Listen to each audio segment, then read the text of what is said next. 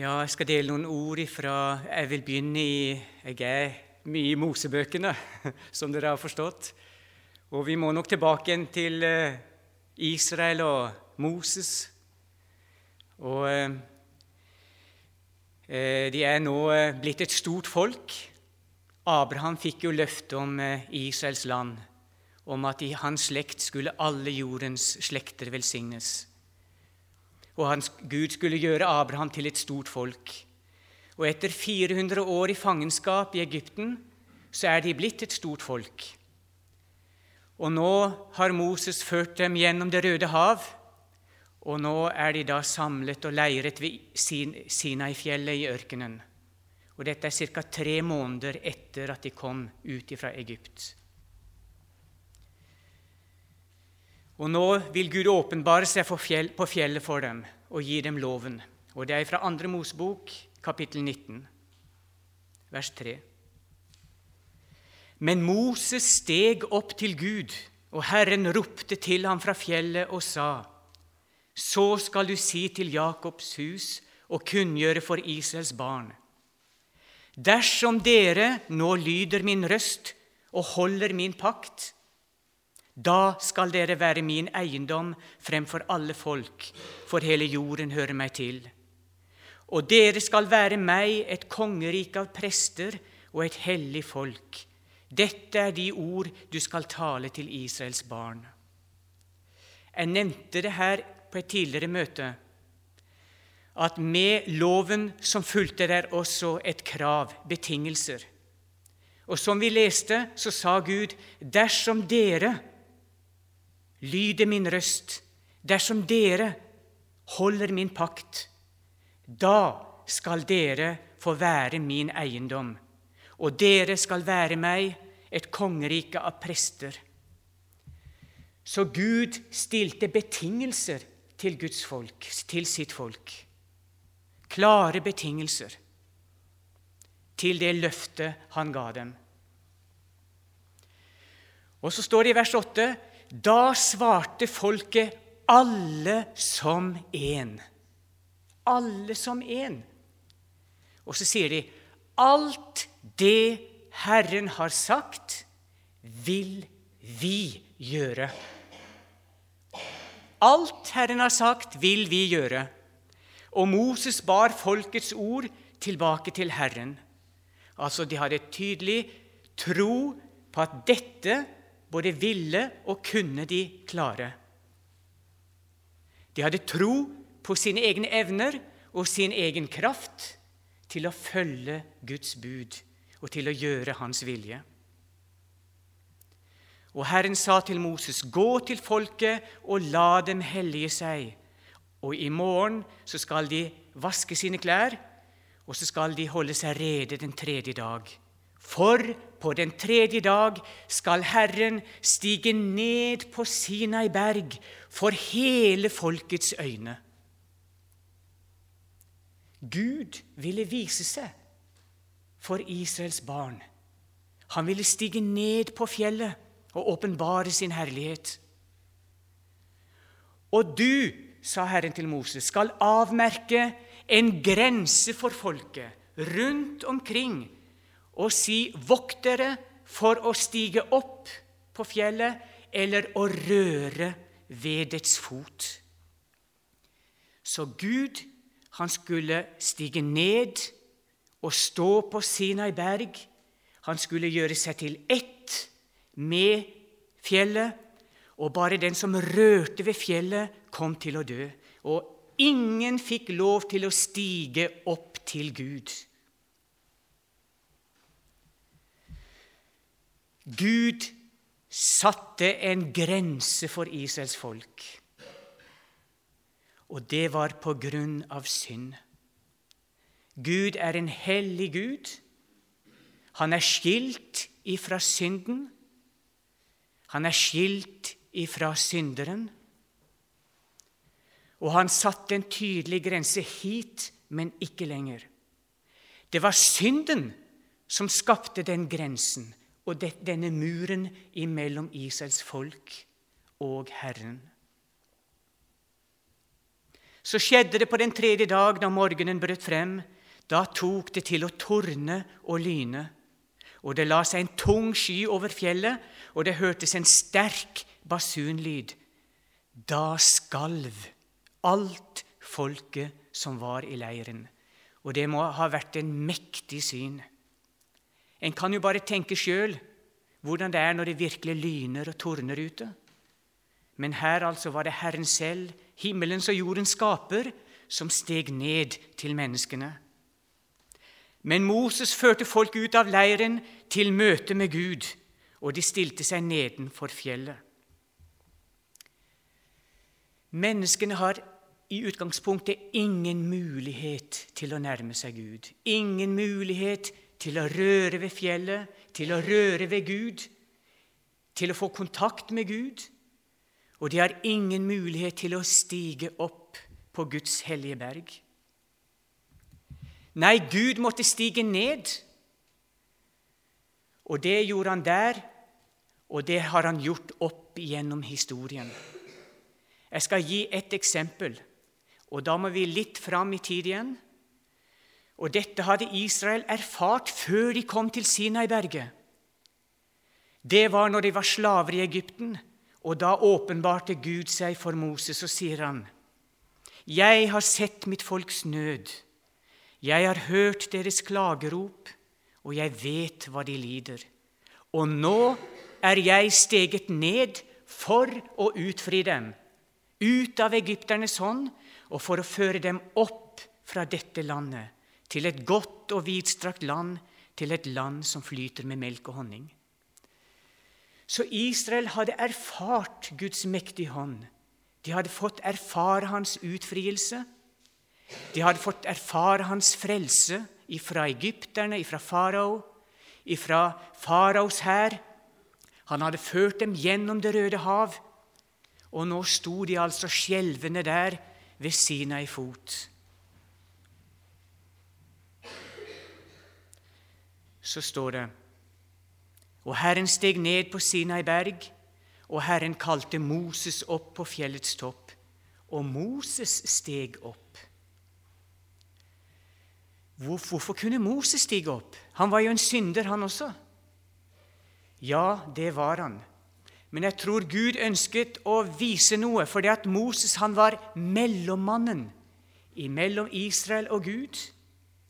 Han var deres fører, han representerte folket. Og På den måten så var han et forbilde på Kristus. Det kommer tydelig fram i Det nye testamentet. Han var et forbilde på det fullkomne mennesket, på Guds egen sønn, på Han som var uten synd og rettferdig i seg selv, så Moses kunne gå opp. Han var den eneste blant Israels barn som kunne tre opp på fjellet og nærme seg Gud. Og jeg tror det er på grunn av at Gud ville vise at han var et forbilde på Han som skulle komme. Han som skulle leve her uten synd. Han som skulle stå opp ifra de døde. Og han som det første fullkomne mennesket kunne tre inn i himmelens saler innenfor Guds åsyn. Og så begynner Gud å tale på Sinai med basunens røst, og folket skalv. Og så sier han disse ord. Da talte Gud Herren alle disse ord og sa:" Jeg er Herren din Gud, som førte deg ut av Egyptens land av trellhuset. Du skal ikke ha andre guder foruten meg. Du skal ikke gjøre deg noe utskåret bilde eller noen avbildning av det som er der oppe i himmelen, eller det som er på jorden, du skal ikke tilbe dem og ikke tjene dem, for jeg, Herren i Gud, er en nidkjær Gud. Du skal ikke ha andre guder foruten meg, var budskapet. Altså, Gud presenterte de ti bud med basunens røst der på Sinai fjell. Menneskene hadde sagt ja, alt det Gud vil vi skal gjøre, det skal vi gjøre. Og nå får de altså loven presentert. Og hva skjer for noe? Vi skal ikke gå så veldig mange kapitlene videre i andre Mosebok før hele folket danser rundt en gullkalv. Og da var Moses oppe på fjellet for å få disse talte ord ned på to steintavler. Og da han kommer ned etter å ha vært der 40 dager, da sier Israel, 'La oss få en ny fører. La oss lage oss en gud.' Og så fikk de støpt en gullkalv, og så danset de rundt. Og Moses ble så fortvilet, og i hellig harme så tar han disse steintavlene og knuser de der ved fjellets fot. De knuste steintavlene de vitner om at loven hadde ingen kraft overfor det jødiske folk. Loven fikk ikke den plass i folkets hjerte du skal ikke ha andre guder enn meg, var klart og tydelig, og allikevel, etter kort tid, så støper de seg en gullkalv.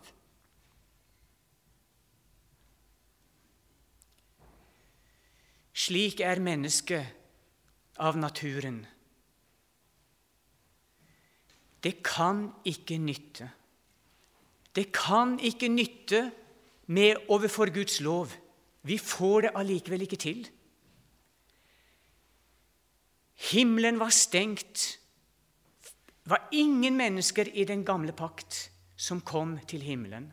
Himmelen var stengt for alle mennesker av synden. De kunne kun tilbe på avstand. Veien inn i helligdommen den var helt lukket til. Når Israel skulle utføre sin gudstjeneste, så hadde de i begynnelsen et telt som kaltes for tabernaklet, og senere fikk de tempelet og den var innredet med to rom.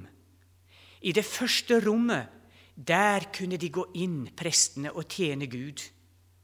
Men inn i det aller helligste, som symboliserte himmelen, Guds nærvær, der var det ingen som hadde lov til å gå inn. Og det var et stort, tykk forheng som skilte menneskene ute ifra det aller helligste der hvor Gud åpenbarte seg, der hvor Gud hadde sin trone blant Israels barn, der var det helt stengt. Og i Hebreerne så står det Veien til helligdommen, altså inn i helligdommen, var ennå ikke åpnet eller åpenbart i den gamle pakt. Hvorfor fikk Israel loven?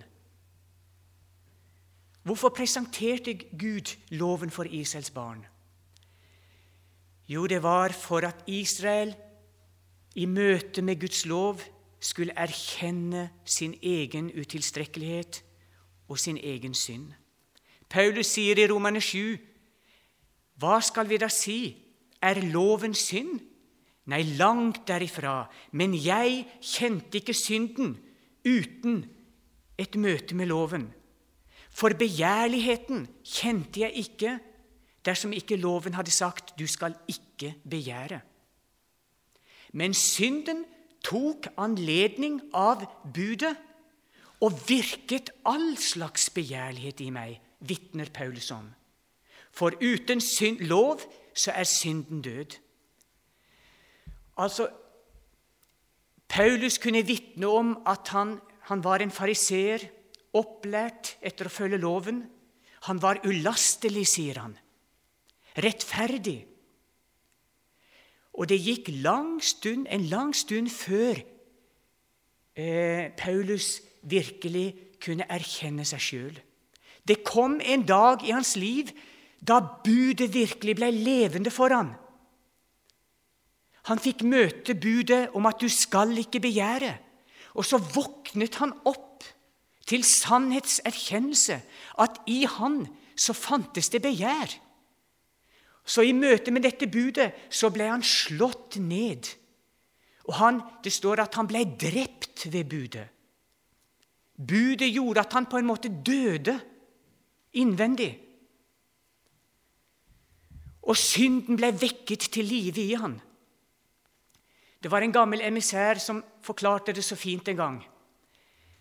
Lov, altså Hvis du har et glass med vann, og så du, stiller du opp i stua di en plass, eller på kjøkkenet, og så lar du det stå der helt stille over lang tid, så vil etter hvert glasset fylles med støv, og støvet vil etter hvert dale ned i vannet og legge seg i bunnen av glasset.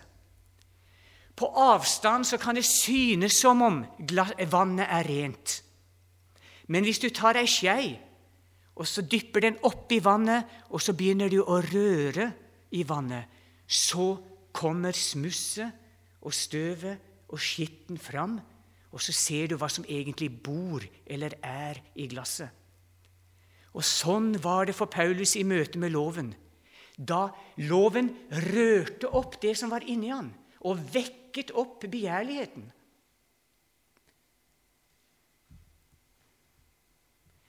Åpenbaringen, Loven kalles i, i Det nye testamentet for dødens og fordømmelsens tjeneste. Loven kunne ikke frelse mennesker, men den kunne virke til erkjennelse av synd. Og det var en dødens tjeneste og en fordømmelsens tjeneste. Og slik var det jo det virket for Israel der, ved foten av Sinai. De hørte budet 'Du skal ikke ha andre guder enn meg', og så går de bort det er som om budet vekker bare synden til aktivitet, og så lager de seg en gullkalv og danser rundt den. Vi har så lett for oss å gjøre loven til en frelsesvei. Det ligger for oss alle, det å skulle gjøre noe for å behage Gud. Bibelen kaller det for Kains vei. Det er å rettferdiggjøre seg selv. Det er å komme fram med egne offer, eget strev, slik som Kain gjorde. Han dyrket jorden, og av jordens grøde, det han hadde slitt og arbeidet for, det tok han og bar frem for offer når han skulle møte Gud. Men hans bror Abel han hadde skjønt noe, at han kunne ikke nærme seg Gud uten at blod ble utgitt uten at noe kom inn imellom han og Gud. Et stedfortredende offer. Han skjønte det, og derfor ofret han av sin buskap et lyteløst lam. Og så for å nærme seg Gud. Og så står det at Gud hadde behag i Abel og hans offer. Da Jesus kom for 2000 år siden, så var storparten av det jødiske folk besmittet av fariseernes lære, der de ønsket å love, gjøre loven til en frelsesvei. De ønsket å behage Gud ved å følge loven. Men Bibelen sier at kjødet er ikke Guds lov lydig og kan heller ikke være det. Altså, vår onde natur, kjødet, er ikke Guds lov lydig og kan heller ikke være det. Og I Romerne 3,19 så står det slik Noen fantastiske ord. Jesus kom for å gi frelsen til oss som en gave. Han så at vi ikke kunne stige opp på fjellet. Han visste at vi ikke kunne røre ved klippen. Derfor steg Guds egen sønn ned for å løfte oss opp. Jeg syns den er så fantastisk, den fortellingen om den barmhjertige samaritan. Den barmhjertige samaritan som steg ned av eselet, gikk bort og løftet opp denne som var slått av røvere, og førte han til herberget. Og Gud, han ser oss at ingen av oss Ingen av oss fortjener Hans nåde. Ingen av oss kan ved egne gjerninger møte Gud. Derfor står det også men Gud, nå er Guds rettferdighet, som loven og profetene vitner om, åpenbart uten loven. Og det vil si Guds rettferdighet ved troen på Jesus Kristus. For den er for alle og over alle som tror. For det er ingen forskjell. Alle har syndet og har ingen del i Guds herlighet.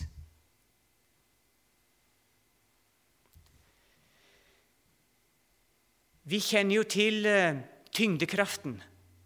Det er en, en, kraft som finnes, som Gud har uh, ordnet, som holder oss fast på bakken. Og den kraften er slik at vi kan ikke, samme hvor mye vi trekker oss i håret, så kan vi ikke klare å løfte oss opp i egen kraft. Vi kan jo hoppe over bakken, men vi kommer ganske fort ned igjen. Men det nytter ikke å løfte oss opp og så eh, holde oss sjøl i lufta. Det er helt umulig. Og slik er det også med synden. Den virker på menneskene med sin kraft og gjør det at vi blir bundet inn under dens makt. Alle mennesker er under syndens makt. Alle mennesker. Men det finnes en kraft som er større. Og det var den kraften Jesus kom for å gi oss. Da Jesus ropte 'Det er fullbrakt', så åpnet han veien inn i helligdommen. Og da revnet dette forhenget som skilte det, all, det hellige ifra det aller helligste. Og så åpnet han veien for alle mennesker inn til Guds hjerte. Og det er fantastisk. Tenk at det var bare han som kunne gjøre det. Det var bare Jesus som kunne stige ned og så stige opp på fjellet og kunne si alt er fullbrakt. Det var bare han som kunne føre fram et offer som Faderen var 100% fornøyd med. Et offer som vi kan ta vår tilflukt til og tro på, som vi kan regne med.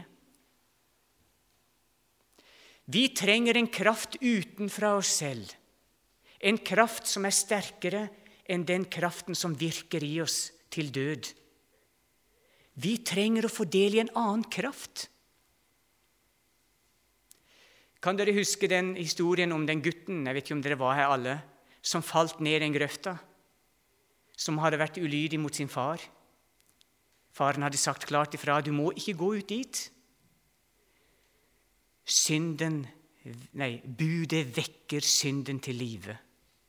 Og gutten klarte det ikke å stå imot. altså. Han måtte ut og kikke, og datt ned i grøfta.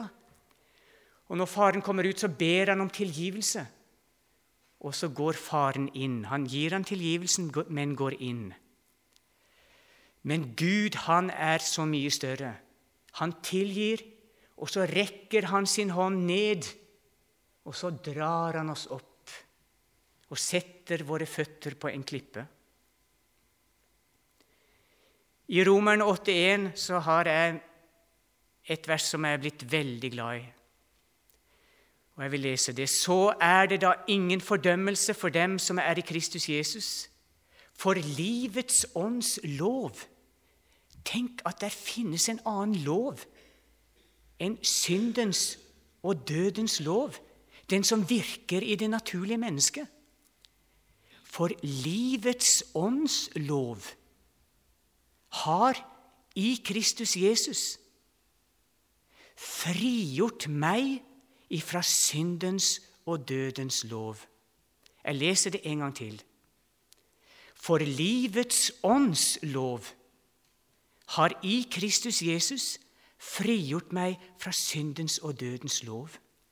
Så det mennesket som får del i Jesus Kristus i frelsen, han får del i tilgivelsen, og han får del i en ny lov som virker slik at mennesker blir løftet opp ved Guds kraft til et annerledes liv. Jeg har erfart det. Og dere har sikkert erfart det. Og måtte de som er her inne ved siden av, få erfare det. Og jeg har vært borti mennesker på evangeliesenteret som har erfart det. Det som så håpløst ut, det som ingen mennesker hadde tro kunne lykkes. Der hvor evangeliet kom til, og Guds kjærlighet, og der hvor troen kom til i hjertet, der fikk mennesker kraft til å reise seg opp og kunne begynne et nytt liv. Og det er en del av evangeliet. Jesus har ikke bare gjort noe for oss, men han gjør også noe i oss. Det stoppa ikke med Golgata, men vi måtte også ha med pinsedag. Der mennesker fikk en personlig møte med Gud.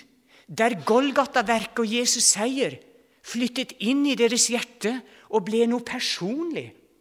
De fikk del i Guds ånd, i Den hellige ånd, i sannhetens ånd, i livets ånd, i livets ånds lov. For det som var umulig for loven idet den var maktesløs pga. kjødet, det gjorde Gud idet han sendte sin sønn i syndig kjøtts lignelse og for syndens skyld og fordømte synden i kjødet, for at lovens krav Altså, Loven gjelder i dag også. Gud har ikke forkastet sin lov. Den er hellig, ren og god og fullkommen. Og den gjelder like mye i dag og skal vare i all evighet. For at lovens krav skulle bli oppfylt ikke av oss, men i oss. Ved hjelp av livets ånds lov så skulle vi få en ny mulighet, der Gud skulle skrive lovens bud. Han skulle skrive dem i våre hjerter, i våre synd, eh, sinn, ved å gi oss et nytt hjerte og et nytt sinn. Gud er treskjæreren, han er kunstneren. Han har en skarp og fin og god kniv i sin hånd. Og så ligger der et trestykke i hans hånd. Det er bare det at trestykket, det er morkent. Så når Gud tar sin kniv og skal forme dette trestykket til noe vakkert og godt, så bare smuldrer det opp i hendene hans. Gud er allmektig, loven er hellig og god, lovens kniv er hellig og god, redskapet er godt. Men arbeidsstykket, det er pill råttent. Og slik er det med mennesket. Gud må gjøre noe helt nytt, og noe helt nytt og radikalt. Men det gjør han. Han virker en hjerteoperasjon i oss. Han tar bort vårt stenhjerte, og så gir han oss et kjødhjerte. Vi må bare komme til en erkjennelse, slik som Paulus, at i meg selv, i meg kjød, så bor der intet godt. I meg selv, i mitt naturlige menneske, bor der intet godt. Men Jesus, han kan gjøre alle ting nytt. Gud, han tar dette trestykket, og så hiver han det vekk. Og så tar han et nytt trestykke, et helt nytt et. Og så former han det materialet som han vil ha. Så derfor måtte altså Jesus dø. Han gjorde seg til ett med hele menneskeheten og gikk inn i døden. Så når han døde, så representerte han alle mennesker. Og da forkasta Gud hele den adamittiske slekt. Han forkasta det da Jesus døde, og gjorde seg ferdig med det. Og så bygde han opp noe nytt, det nye mennesket. Jesus sto opp ifra de døde som den nye skapningen. I Guds kraft så sto han opp. Og når vi tror på ham, så får vi del i et helt nytt liv. Vi blir nye skapninger i Kristus Jesus. Det gamle, det er forganget. Se, alt er blitt nytt. Og jeg vil gi dem et nytt hjerte og en ny ånd, og jeg vil gi det i deres indre. Jeg vil ta bort steinhjertet av deres kjød og gi dem et kjødhjerte, slik at de følger mine bud og holder mine lover og gjør etter dem. Og de skal være mitt folk, og jeg vil være deres Gud. For Israel som folk så gjenstår der ennå en dag da de skal få del i dette løftet som jeg leste nå fra Det gamle testamentet. Men i dag går det an for mennesker i denne tidsalder å få del i denne erfaringen. Det å bli en ny skapning, det å bli født på ny, det er rett og slett så enkelt å overgi seg helt og fullt til Jesus. Det er så enkelt å være enige med det som Gud sier i sitt ord. Å bekjenne betyr å si det samme som. På skolen før i tida så hadde de mye ting de lærte utenat. Læreren sa det de skulle lære, og elevene gjentok det som læreren sa. En veldig effektiv måte å lære på. Veldig effektiv. Mine foreldre de husker altså geografiske navn på rim, og det sitter som støpt. Og det er min lengsel at jeg òg kan ta til meg av Guds ord og bekjenne det som er en sannhet. Og slik at det etter hvert kan få smelte i mitt hjerte og bli en del av mitt liv. Og kunne bekjenne det at ja, jeg er enig med Gud. Jeg har en erfaring som samstemmer med Guds ord. I mitt kjød så bor der intet godt. Men Gud har gjort meg til en ny skapning ved troen på Jesus Kristus. Han bor i mitt hjerte ved Den hellige ånd, og han vil gjøre sitt verk.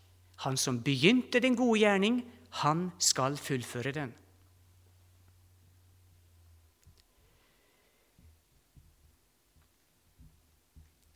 Til slutt så vil jeg hente fram en eh, utrolig rørende historie. Det er en eh, jøde som heter Moshe ben Shmuel. Han levde i et østeuropeisk land. Han var opplært som jøde, opplært i eh, Det gamle testamentet, og han var også opplært i masse andre bud som jøden har, sånn menneskebud. Og han ønsket så gjerne Han hadde en vilje til å være en god jøde. Men så førte Gud han inn i ordentlig tøffe omstendigheter. Den andre verdenskrig kom, og Moshe ben Shmuel opplevde lidelser under krigen som jøde. Og etter hvert etter krigen så kom jo russerne inn og okkuperte en del østeuropeiske land. Og da ble han tatt til fange, og da fikk han det enda verre i et russisk fengsel i Russland. Lite mat og sprengkulde, hardt arbeid. Og For Moshe ben Shmuel så ble det bare en stadig bønn. Han, han siterte disse jødiske bønnene som han hadde lært hjemme. Og så føyde han til sine egne bønner også. Han ba om Guds hjelp og Guds kraft. Og til slutt så ble det et rop i hans indre. Og så sier han, roper han til Gud, Hvorfor har du gitt meg loven og ingen kraft til å følge den. Da kom han til erkjennelse. Han hadde strevd og strevd, og nå var han nesten like inn i døden. Og da ble det et desperat rop. Hvorfor har du gitt meg loven, Gud, men ingen kraft til å følge den? Og da får han høre en himmelsk røst. Gud ser til hjertet. Gud ser til den enkelte. Og så åpenbarer Jesus seg for ham, og så sier han, 'Hvor lenge skal du sove og ikke se at det er for dine synders skyld at disse trengsler er kommet over deg?' Og da skalv han over hele kroppen av redsel og svarte, 'Herre, hvordan skal jeg bli fri?' Jeg har prøvd av all makt å leve etter din hellige lov og etter dine forskrifter, men hvorfor har du ikke gitt oss kraft til å holde den? Og så kom stemmen. Hvis du vil tro på Jesus Kristus, så skal ditt liv bli forvandlet. Og det ble hans personlige møte med Jesus. Og det, da fikk han del ved troen på Jesus i oppstandelseskraften i det nye livet. Han fikk del i Den hellige ånd, og han fikk kraft til å begynne en ny vandring. En ny skapning i Kristus. Et nytt liv.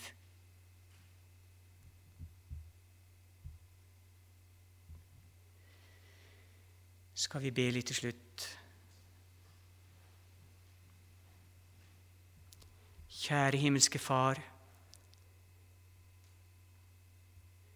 Vi kommer alle sammen til kort, Herre. Vi må bare erkjenne, slik som du har sagt det klart og tydelig, Herre, at i vårt indre, i vårt kjød, i vår syndige natur, så bor der ingenting godt. Men takk, takk for evangeliet, Herre Jesus. Takk at vi kunne ikke stige opp, men takk at du steg ned. Du forlot himmelens herlighet og så steg du ned, og så var du villig til å gå inn i vårt sted. Du ble gjort til en forbannelse. Du gikk inn under Guds dom over det syndige mennesket. Takk, kjære Jesus, at du var villig til å bli forkastet bort ifra Gud, for at vi skulle bli antatt av Gud. Takk at du har åpnet veien for alle mennesker. Og det er kun ved troen på deg som det er frelse. Det er bare i ditt navn det er frelse. Takk for tilgivelsen, og takk at du skjenker nytt liv når mennesker kommer til deg, Herre. Takk at vi kan få vandre på en ny vei, og takk at du skal virke alt sammen i oss. Hjelp oss til å holde oss nær til deg, Herre og hjelp den enkelte her inne også til å holde seg nær til deg og erfare det at du er den som styrker, og du er den som hjelper, og du er den som holder oss oppe. Amen. Jeg skal ta og synge en sang til slutt, tenker jeg.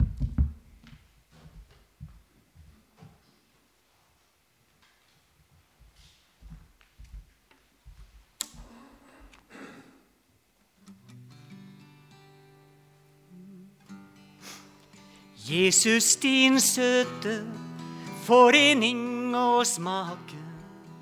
Lenge så trenges mitt hjerte og sinn. Riv meg fra alt det meg holder tilbake. Dra meg i deg, min begynnelse inn.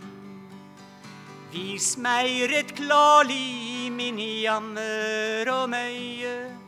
Vis meg fordervelsens avgrunn i meg. At seg naturen til døden må bøye. Ånden alene må leve for deg. Styrk meg rett kraftig i sjelen her inne, at jeg kan kjenne hva Ånden formår.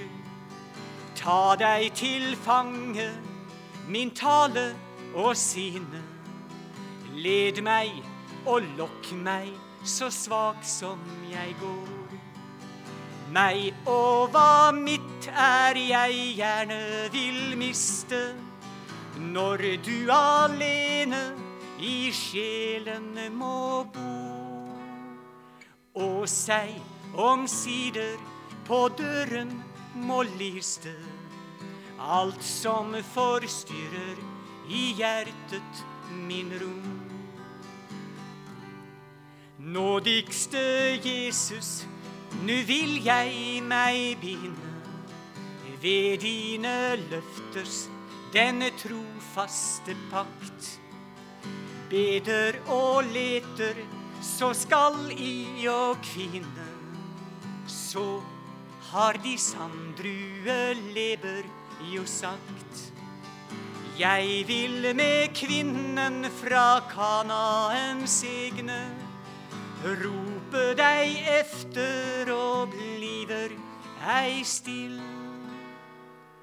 Før du på bønnen til slutning må tegne. Amen, ja, amen, deg skje som